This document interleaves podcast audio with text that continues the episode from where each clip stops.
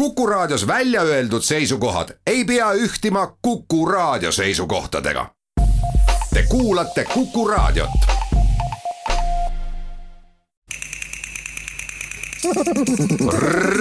reisirada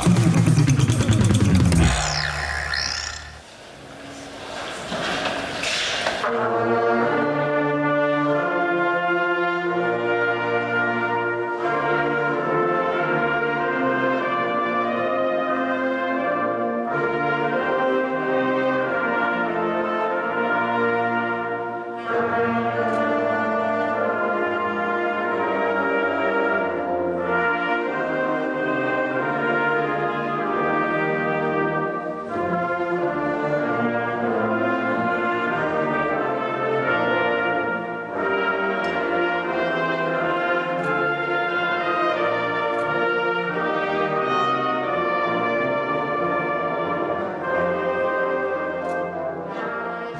kõlas Väegvere pasunakoor, mis kahe tuhande üheksateistkümnendal aastal Saadjärve kaldal Jääaja keskuses oma saja kaheksakümnendat aastapäeva suure kontserdiga tähistas.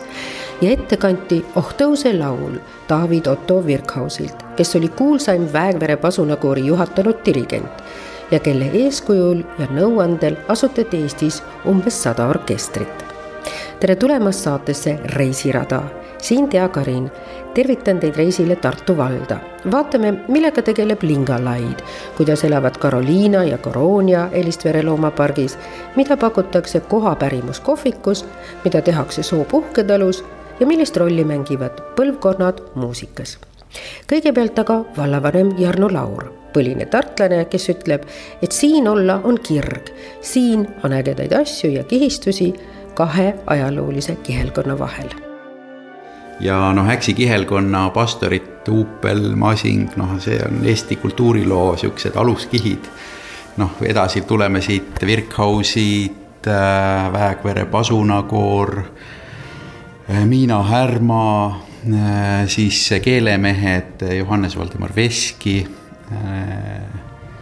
nii et noh, ütleme, et siin on äh, noh, siin on kõik see selline koos eesti rahvusega kasvamise koht ja, ja, ja lugu, et, et see kõik on siin täna alles muide, nii et noh, selles mõttes on nagu hästi äge. no see on sihuke päris Eesti, see on see Eesti, millest Miina Härma räägib. nii ongi. vald on suur Piirissaarest Maria Magdalenani ja laevasooni välja. kasvukeskuseks on linna ääremaad. Tartu linnaga me jagame nime ja Eesti Rahva Muuseumi, ütleb vallavanem siis mina ütleks, et on jagunenud niimoodi, et restoran on linnas ja viisud on maal, nagu olema peab. et see piir jookseb sealt tõesti äh, selle silla alt läbi, restorani silla alt läbi. aga ülejäänud osas on nii, et ka see suur vana lennuväli, äh, Vene sõjaväe lennuväli on, on tegelikult noh, vaatamisväärsus iseeneses et, et me oleme võtnud eesmärgiks, et, et ta muutub küll osaks nii-öelda linnalisest äh, hoonestusest, aga, aga see struktuur säilib, et inimesed saavad endiselt seal käia see on päris äh, jube koht, noh, inimesena, kui sa lennurajal seisad, äh, siis sa tajud, kui pisikene loomakene sa oled universumis.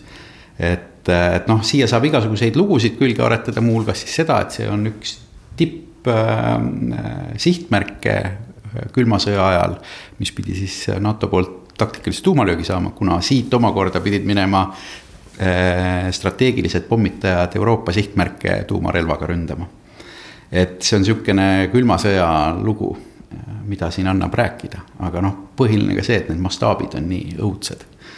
nii et noh, kuidas me seda teeme päris täpselt, ma ei tea veel, sest ega see, ütleme ka see hiigelsuur ERM on ju tegelikult kaardi peale vaadates üks pisikene lennuraja jätk ainult. et need mastaabid on suured, aga täna on, ütleme niimoodi, et see ju ERM on valmis, sinna ümbrusesse järjest hoonestust lisandub ja selge on ka see, et need suured rajad, ega nendega midagi ei juhtu, need jäävad nii, nagu nad on, meie noh, nagu arhitektide praegune pähkel, mida nad purevad, on tegelikult see, et kuidas vormistada need asjad nii, et inimene oma mastaabiga seal ennast ka hästi tunneks.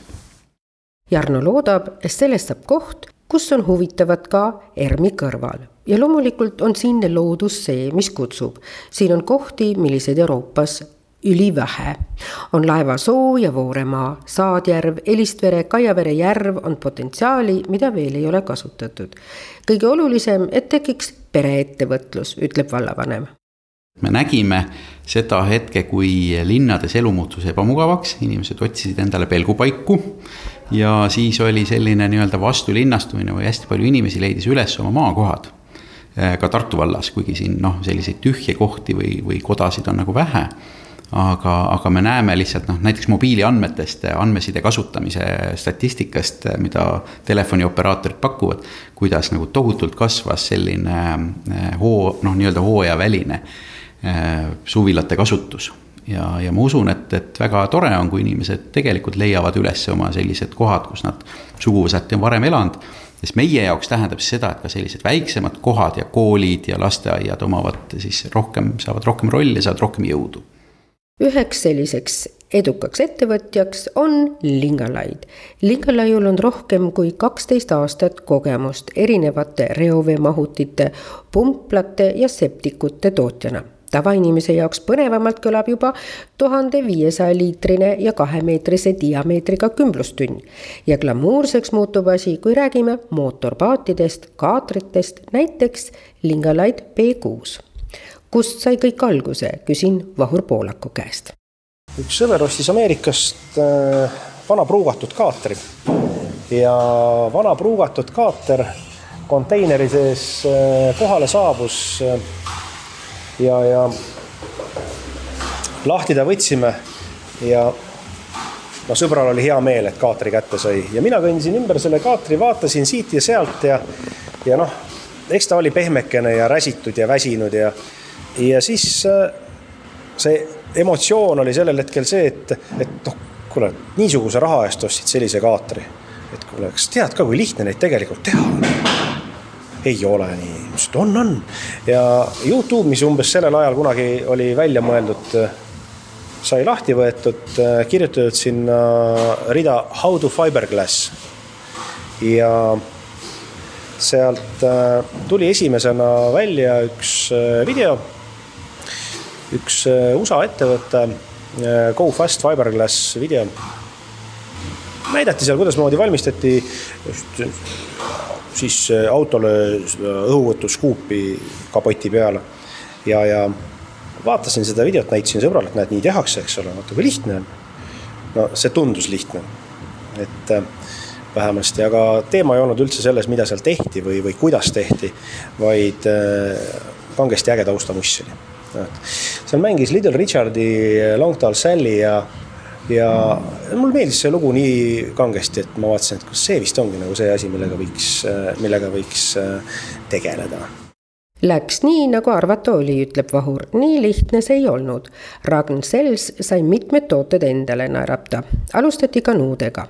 nüüd õmmeldakse ka kaadritele istmeid, ka sealjuures oli sõber mängus, kes Eestist ära kolis ja Vahur tema masinad ära ostis. Mul isa kunagi Äh, kunagi tegeles äh, siis äh, diivanite õmblemisega. see oli päris, ütleme, üheksakümnendate aastate alguses. tal oli, tal oli selline ettevõte tollel ajal, kus ta siis, kus ta siis diivanite õmblemisega tegeles ja, ja, ja tegutses päris, päris ikka aastaid sellega. ja ägedalt läks tal. ja võtsin, helistasin isale, küsisin, et, sa ju kunagi õmblesid, kas tahaks uuesti õmblema hakata? ja isa ütles, ei muidugi tahaks, loomulikult, siis ma ütlesin selge, et siis, siis ma ostan need masinad ära. ja siis äh, nii ta läkski. kummad on paremad äh, siis äh, lamineerijad, mehed või naised? ikka naised. sest et naistel on sellist, kuidas nüüd öelda, püsivust ühte tööd pikalt teha, ütleks niimoodi pigem Vahur Poolak on Lingalaidi tegevjuht, valitud ärinõuandla poolt Tartumaa edendajaks, kelle tegevus on enim mõjutanud Tartu maakonna elukeskkonda. kui õpilasmalev nende poole pöördub, siis tegelevad nad ka noortega. loomulikult veedab Vahur Poolak ka palju aega kaatritega ja pilk on tal alati vee peal. seetõttu valib ta oma sõitudel ka veidi pikema tee Saadjärve kaudu. sõidan järvest mööda, vaatan, kas vesi vahutab kui vesi vahutab ja tunnen, et, et on aega näpistada tunnikene, siis ma keeran, siis ma keeran sadamasse sisse, ma, mul on seal üks väikene purjekas. et siis ma lähen kihutan natukene järve peal, noh parasjagu niimoodi sellise, sellise pooletunnise sõidu saab siis sellisel juhul teha, et riiete vahetus enne ja pärast. et äh, tuulega on Saadjärvel väikse purjekaga lahe kihutada. Et äh, kui on baarimees ka parasjagu võtta, siis, äh, siis saab minna katamaraaniga sõitma, see on selline kahe mehe purjekas. muul juhul, kui sõita, ütleme siis mere peal, siis üks koht, kus on ütleme niisugune iga-aastane traditsioon ja on kihvt käia, on on Kihnu ja Ruhnu, et seda on äge väisata, seda on äge väisata purjekuga ideid sähvatab aga nii maal kui vee peal, sest õpitud on ka arvutit ja geenitehnoloogiat. aga hing ja meel on ikka merel, ütleb Vahur. kui räägime sellest, mida ei tohiks kindlasti ettevõtluses teha, siis teab Vahur ära tuua ka selle, kuidas tal endal on õnnestunud ägedaid asju metsa pöörata, nagu ta ütleb. kui küsida, mis see võluvits võiks olla siis kõige esimene, kõige esimene oks sellest vitsast võiks olla ehk see, et äh, arvutage, tehke matemaatikat. tehke rohkem matemaatikat ja isegi siis, kui te olete selle kolm korda läbi arvutanud, arvestage, et igale projektile kulub tegelikult elluviimiseks mitu korda rohkem raha, mitu korda rohkem aega, mitu korda rohkem energiat. Mina olen ise vaadanud, et ma pean, mina isiklikult pean kõik läbi korrutama kohemaid umbes kahega. et võib-olla mõnel on see, see koefitsient suurem, võib-olla teisel väiksem.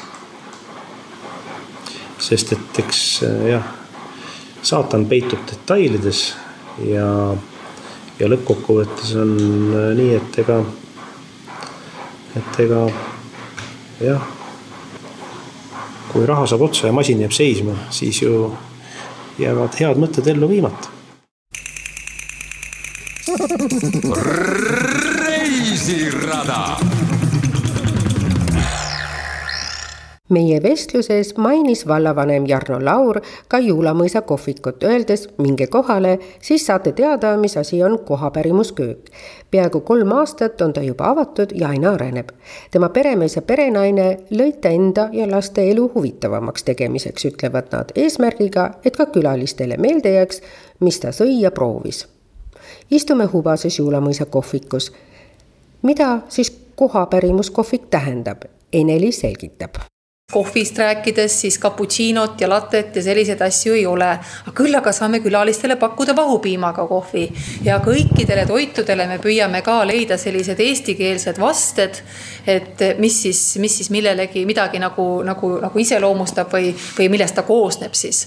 et ega noh, miks me peaks neid võõrapäraseid asju kasutama, millest mõnest ei saa isegi aru, mis asi ta täpselt on kohviku riiulitelt võib leida ümbruskonna väiketootjate huvitavaid mahetooteid, eestimaiseid käsitöötooteid meil endal lähevad silmad särama, kui me leiame midagi niisugust ja siis me tahaksime seda oma külastajatele ka pakkuda. noh, näiteks siin on meil roosiku šokolaade, oma naaberkülas Sepamäe talust on astelpaju ribasid, siis meil on meemeistrid Põltsamaalt, usinad, kes, kes, kes, kes panevad erinevaid maitsemeesid pisikeste purgikeste sisse. Uugi talu teeb põdrakanepi siirupit, teeb väga vahvaid teesegusid, kus on Ivan Chai näiteks siis lisatud siis kas, kas mündiga või siis, või siis eh, tondipeaga, erinevaid, eh, ütleme, siin on kreemiast iirist näiteks, mis tuleb siin siis kitsekasvatajad Olemari talust siis on jah, naat ja naeris on ühed toredad seemnenäksid, need on, need on kolm sellist agarat tütarlast Tartust. ise me teeme oma tooteid, meil on siin näiteks sellised banaanikiududest kotikeste sees, teeme teesegusid kokku samamoodi kuivatatud õunu nii, nii linastes kottide sees kui ka pakis. ja mida me veel teeme, on vanade aegade meenutuseks on meil õuntest kaelakeed nii et sellised, mida, mida, mida siis, kuidas vanasti tegelikult ju kuivatatigi õunu, et need aetigi nööri otsa, pandi kuivama. meie küll praegu teeme teistpidi, kuivatame kuivatis ära ja ajame siis nööri otsa, aga tulemus on sama ja peal on siis vanaema pilt ja lugu sellest, kuidas vanasti vanaema ahjusuu pliidi ees istus ja lõikas õunu. Kui heita pilk lakke, siis vaatad läbi erilise akna nagu tagurpidi lauale, aga kui põrandale, leiad aarde legendid räägivad, et meile Vooremaa voorede alla on päris mitmeid varandusi peidetud. Ja no eks hakkasime meiegi kaevetöödega pihta, ka tuli varandus välja. selle eest see maja sai siis üles ehitatud, natuke jäi järgi, panime ta siia põranda sisse klaasi alla kasvama et eks mõne aja pärast siis vaata, kui suureks ta kasvanud on. mõned külastajad on küll ütelnud, et meil on üks viga, et me ei ole siia sellist väikest nagu vagu sisse teinud, kuhu saaks nagu järjest juurde panna, kasvaks kiiremini. aga no vaatame, äkki kasvab niisama kah. ja kui Saaremaal on tähtsaks täheks öö, siis siinkandis on selleks õ, teab Eneli rääkida meie kandist on pärit siit eh, näiteks Õ-täht, nii et me siin väga nii-öelda alati räägime, et te olete nüüd Õ-tähe sünnimaal, kuna Otto Wilhelm Masing on siinsamas Äksi kirikuõpetaja olnud ja tema selle Õ-tähe eesti keelde tõi. Et Äksi nõid on siin meie kandis toimetanud, Hermine Elizabeth Jürgens, et kõike seda, seda temaga seotud sellist teavet saab siin jagada.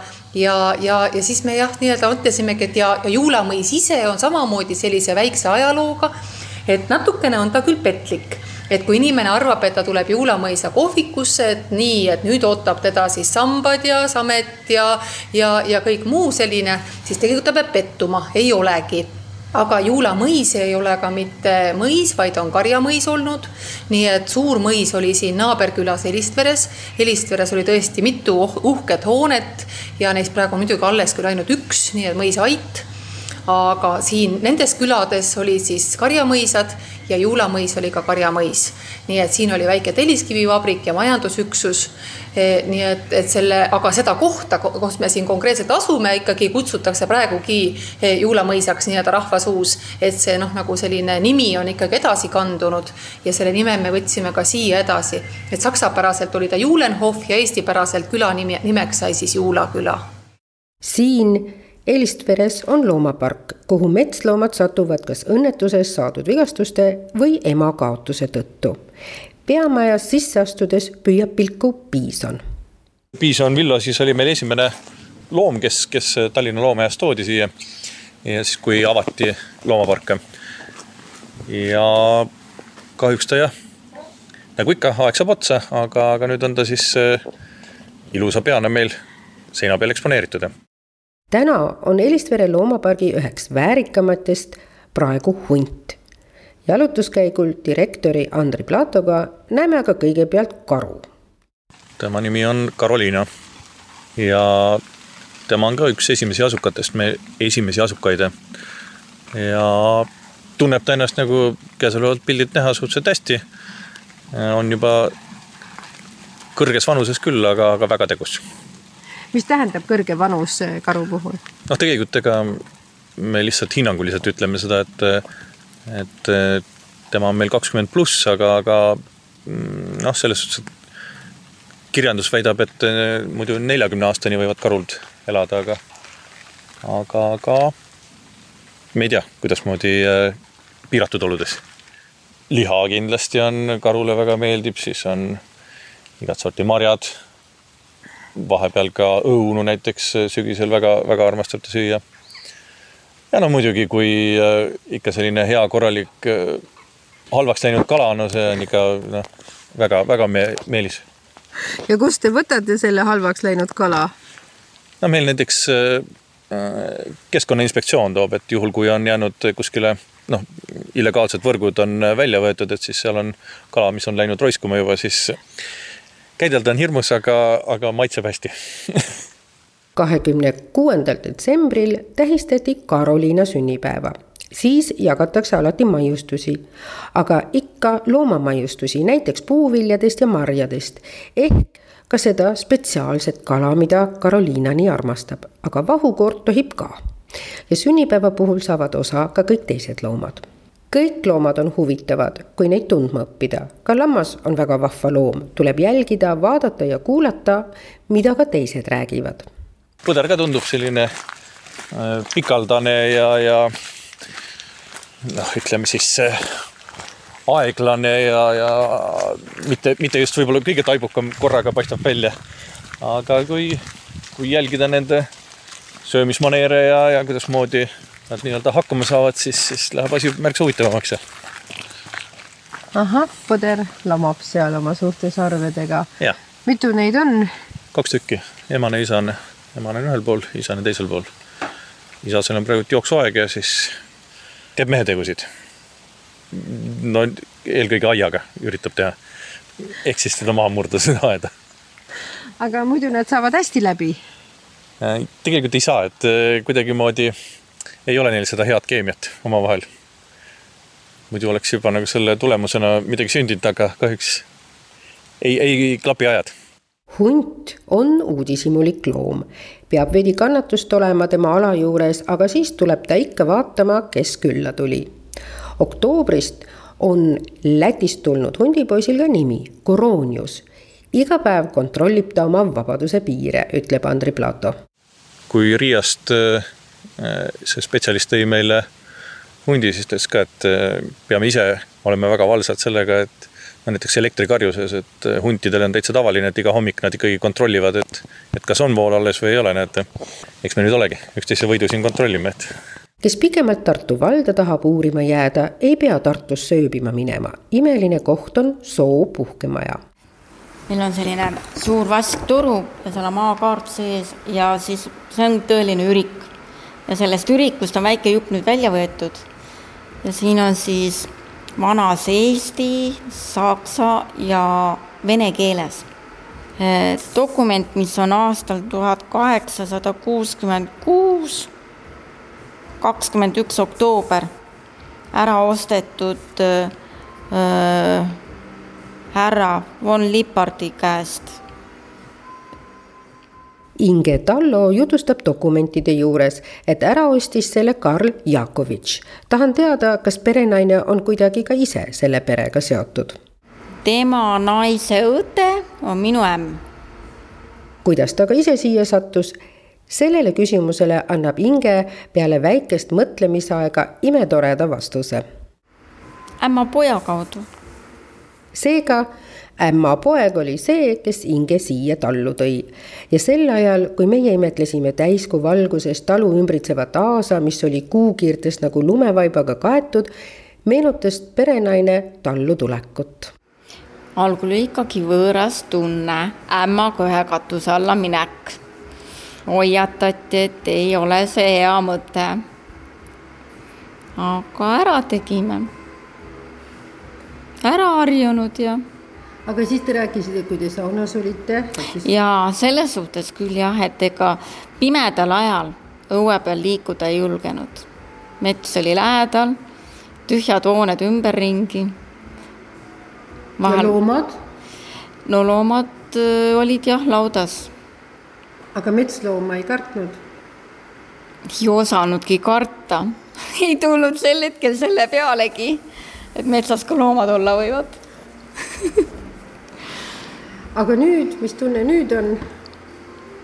hing puhkab, ei läheks siit mitte kuhugi, ainult jalad ees. et ei, ei annaks midagi selle eest? ei, ja raha ei ole mitte kunagi väärt seda, mis on see koht.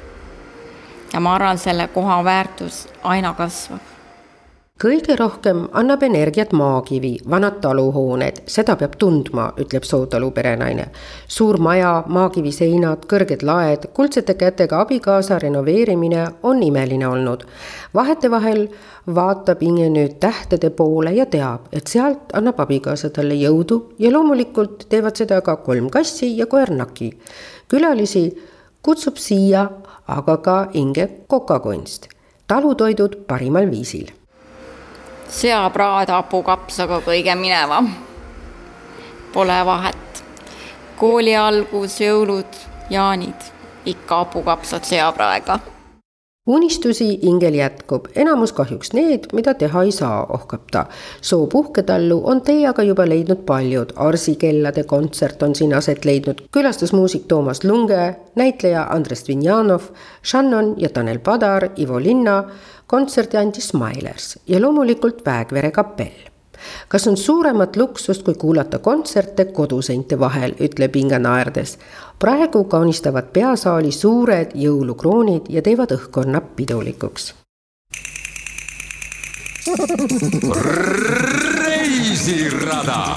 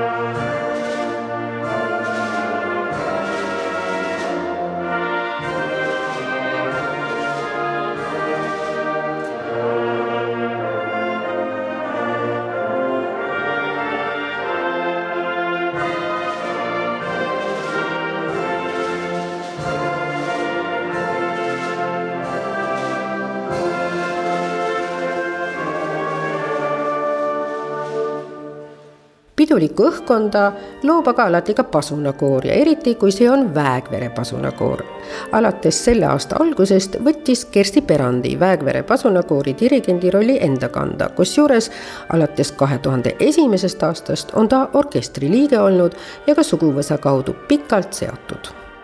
Uhke tunne on, samas on hästi suur vastutus, et neid traditsioone ikkagi edasi kanda, et need püsima jääksid aga samas on äh, seltskond nii tore ja toetav, et, et hästi hea ja meeldiv on seda tööd ka teha minu põlvkond on nagu neljas põlvkond seal ja sellepärast, äh, sellepärast on ka oluline, et äh, ma tunnen, et, et ma olen nagu õige inimene õiges kohas. seisame orkestri liikmetega päikese käes Tammistu kultuurimaja tuulevarjus. paljud nendest teistestki on põlvkondadega orkestriga seotud sellepärast ma kutsusin sellised inimesed ka, et meil Kalev, Metsasarve mängija, tema on ka siin, mina tean vähemalt, teist põlvkonda järjest, võib-olla. Nojah, et siis, kui mina alustasin orkestris mängimist, siis oli tema isa meil orkestri liige, äh, mängis, äh, mis pilli ta täpselt mängis, esimest tenorit just nimelt. ja vot nägi täpselt samasugune välja nagu Kalev praegu. Või ja, ja meil on jah, Kaljul on palju siin äh, sugulasi olnud ka ja tegelikult me mingit otsapidi oleme omavahel, meie suguvõsad on seotud ka Kalju suguvõsaga. ja praegu meie suguvõsast ka, et meie perekond on äh, viieliikmeliselt esindatud orkestris, jah just, ja siis meil on veel tegelikult lisaks veel üks tuubamängija ja saksofonimängija, isa ja poeg käivad koos orkestris mängimas. et see on jah, selline tore, see on hea no, traditsiooniks nagu saanud niimoodi.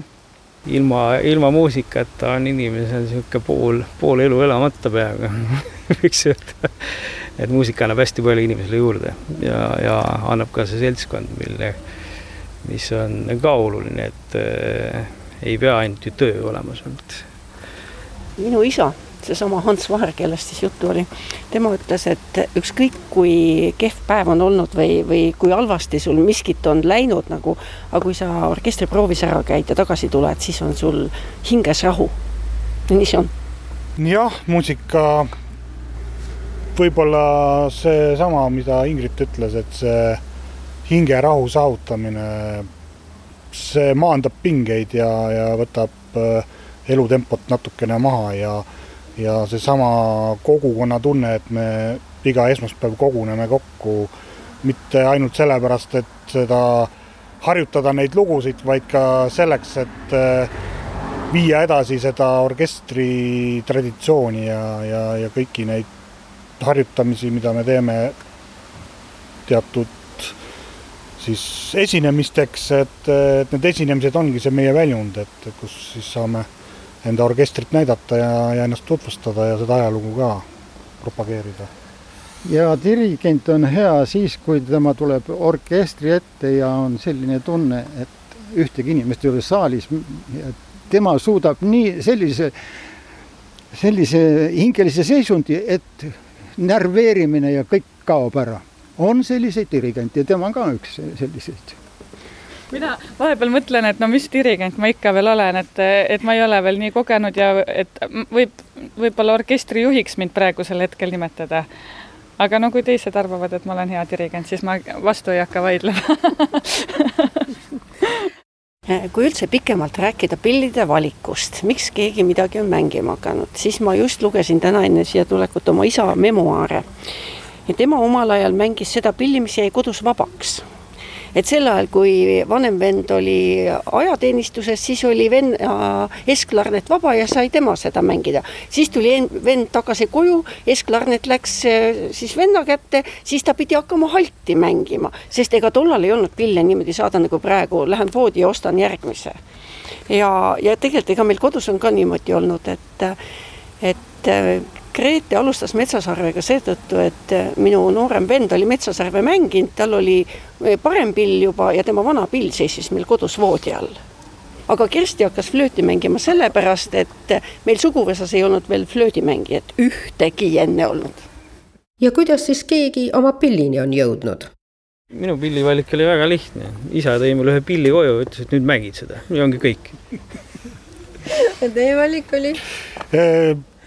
Tegelikult mina alguses alustasin ka mängimist trombooniga, aga trombooni, kui te teate, milline tromboon välja näeb, siis see kuliss, mis iganes, see oli kogemata mõlki läinud ja see kuliss ei liikunud enam niiviisi. Ja siis Elmar Meister vihastas, võttis, rabas selle trombooni mu käest ära, ütles, et see läheb nüüd remonti, rabas seina pealt järgmise, see õnnetuseks või õnneks oli siis bariton andis selle mulle pihku, ütles, seal on täpselt samasugune huulik, et sa ei pea midagi ümber õppima, et ainult äh, sõrmistus on teine natukene ja ja nii ma siis hakkasin seda baritoni puhuma ja alguses Väekõre orkestris ma mängisin teist tenorit ja nüüd ma siis mängin jälle siin äh, baritoni või eufooniumit nüüd, kuidas seda nagu moodsama nimega nimetatakse, aga aga tegelikult on põhimõtteliselt üks ja sama, et eufoonium on niisugune moodsam pill ja ja bariton, bariton on ka väga niisugune mahe ja, ja meloodiline pill, mida, mida ütleme, et vanas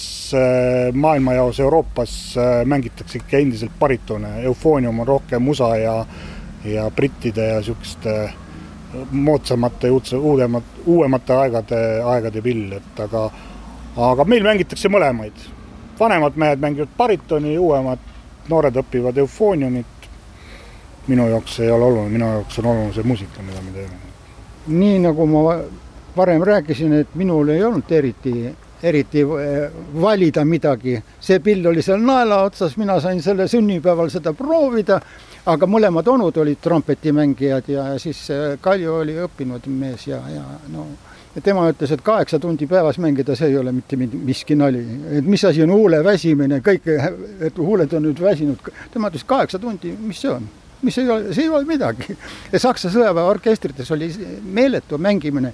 Ja kunagi, kunagi tõi vist Ingrid tõi meile ühe noodi sinna, see oli ilmselt Waldteufeli mingi uisutajad või midagi. Ja, ja, ja, ja, ja see äh, saksa nimega prantslane Waldteufel et äh, Grete sai hakkama selle partiiga, teised ei saanud hakkama Need olid vanasti tuhande üheksasaja viieteistkümnendal aastal mängiti meeletult rasket repertuaari, sest inimesed olid sellele pühendunud ja tegid, tulid põllutöölt, võtsid pilli kätte ja hakkasid jälle harjutama, jälle harjutama ja, ja siis tulevad tulemused, ega muidu ei tule.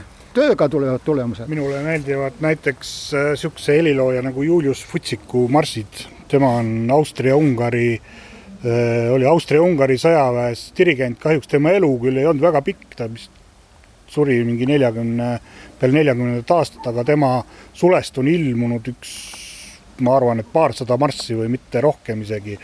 ja kuidagi see tema marssi seadmise või seaded ja see kujundus ja, ja need nagu köidavad mind väga, et kui te, kui te teate ja kuulate niisugust asja nagu Lillede marss või Flower, Flower marss on Julius Vutsiku tehtud, siis minu jaoks on see, see võrratu üks minu lemmikuid marsse, nii et noodikiri on universaalne keel, ükskõik kus sa maailmas oled, noodikirja on võimalik lugeda, on võimalik interpreteerida, erinevalt esitleda, see on alati huvitav, liigutav. lugu võib muutuda esitluse käigus. oota, tuleb, tuleb. tee lahtine, võta lahtine, see on palju lihtsam mängida.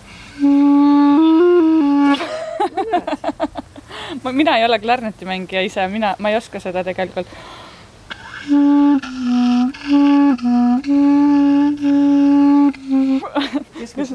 aa, teised võtted on siin jah?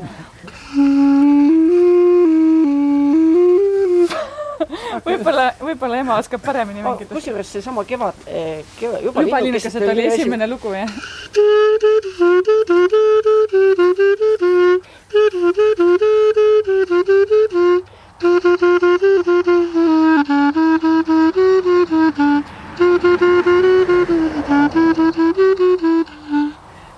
kui juhuslikult see Viisi jupp peaks eetrisse sattuma, siis võiksid ära mainida ka, et kui vana pill see on? ainult sada. no ainult, no sajaaastane pill. kunagi oli siin Väekõrre orkestrile osteti Lignatone pillid ja eh, minul oli ka ja nüüd, kui ma, praeguse pilliga, mis minu, millega ma mängin, siis mõtlesin, et mehed pidid ikka lausa rauast olema, et need pillid olid nii rasked mängida, et kuidas nad küll jõudsid ja nad, nad mängisid kõik tantsuõhtud ja kõik asjad ära aga ilmselt see asi, et, et mehed tegel-, oli raske töö, kõnniti palju, kopsud olid hästi arenenud, inimesed olid tugevad, siis jõuti nii selliste pillidega. mina ütleks, et need olid lüpsikud, need ei olnud pillid Kalju Tiisler on pikalt orkestri liige olnud, kes aastani tuhat üheksasada seitsekümmend neli juhatas ka ise orkestrit ja tal on palju meenutusi. kui nüüd minevikust rääkida, siis on asi selline, et mul vana-vanaisa kindlasti mängis siin. Äh, nad oli, emapoolne suguvõs oli fuksid ja neid fukse oli seal ikka hästi palju. ja ma mäletan veel sellist lugu, kui ma olin, tulin sõjaväest ja mul ei olnud veel teisi riideid ja siis pro proov toimus Annuse talus ja seal elas mu äh, vane, vanim onu, Richard ja siis ma läksin sõjaväe vormis sisse ja teate, need mehed seal üle poole koosseisust olid kõik Gulagi äh, vangilaagrites olnud. ja siis, kui ma sisse astusin, siis kõikide pilgud olid maas, sest nemad olid kuulnud äh, mõned üheksa aastat, mõned üksteist aastat, et šak na levo, šak na bravo, streljaju bez predupredstjenja, tulistan samm vasakule, samm paremale, tulistan hoiatamata. ja, siis pika peale tõstsid, nad teadsid, et ma olen selle Rihardi õe laps ja siis ikka lõpuks vaadati üles, aga niisugune, see oli nendele šokk. Eesti vanim pasunakoor, kus traditsiooni hoitakse kõrgel au sees, see on Väekvere. on järjepidevalt tegutsenud, osalenud kõikides laulupidudes. põlvkondade kaupa on mängijad orkestri liikmeteks olnud, aga kes tahab täna ühineda, ka see on võimalik, ütlevad nad meil on äh, lubatud meiega liituda, et kui te oskate pilli mängida või soovite õppida pillimängu, siis võite meiega ühineda. noored äh, ja ka vanad ja olnud ja, ja ja, ja kuskil mujal õppinud, et kõik on teretulnud orkestrisse, et selles ja. mõttes. ja meid leiab üles Facebookis, meil on oma lehekülg seal, seal on kontaktid ka kirjas ja üldiselt äh, proovid toimuvad meil esmaspäeviti Kõrve külas nii et sõitke üle Eesti kokku ja tulge Kõrve külla, on ju, mängima. kõik võtame vastu, jah. ja mina ootan endale ka eh, mantlipärijat ja ma pean ja ma möödunud aastal tegime veel Pidu tuli, selle etenduse tegime Väekõvere pasunakooriga, tegime kõik selle läbi. esimesest laulupeost rääkis see etendus. ilus lugu, väga ilus lugu sellest, isegi president käis kuulamas ja Elistvere loomapargis on talvekuudel hea loomi jälgida, siis on rahulikum, ütleb loomapargi direktor. siis näeb lihtsamini ka ilvest ning tasub heita pilk ka maja sisemusse, kus on erinäitused. loomapargis käies saab mängida ka nutimängu ja koguda nii teadmisi loomadest alates esimesest jaanuarist kaks tuhat kakskümmend üks tõusevad Elistvere loomapargi piletite hinnad, sest loomi ja eksponaate on juurde tulnud Tartu vallas ringi liikudes astuge sisse ka Rando Tamme kahte valgesse kuubikusse.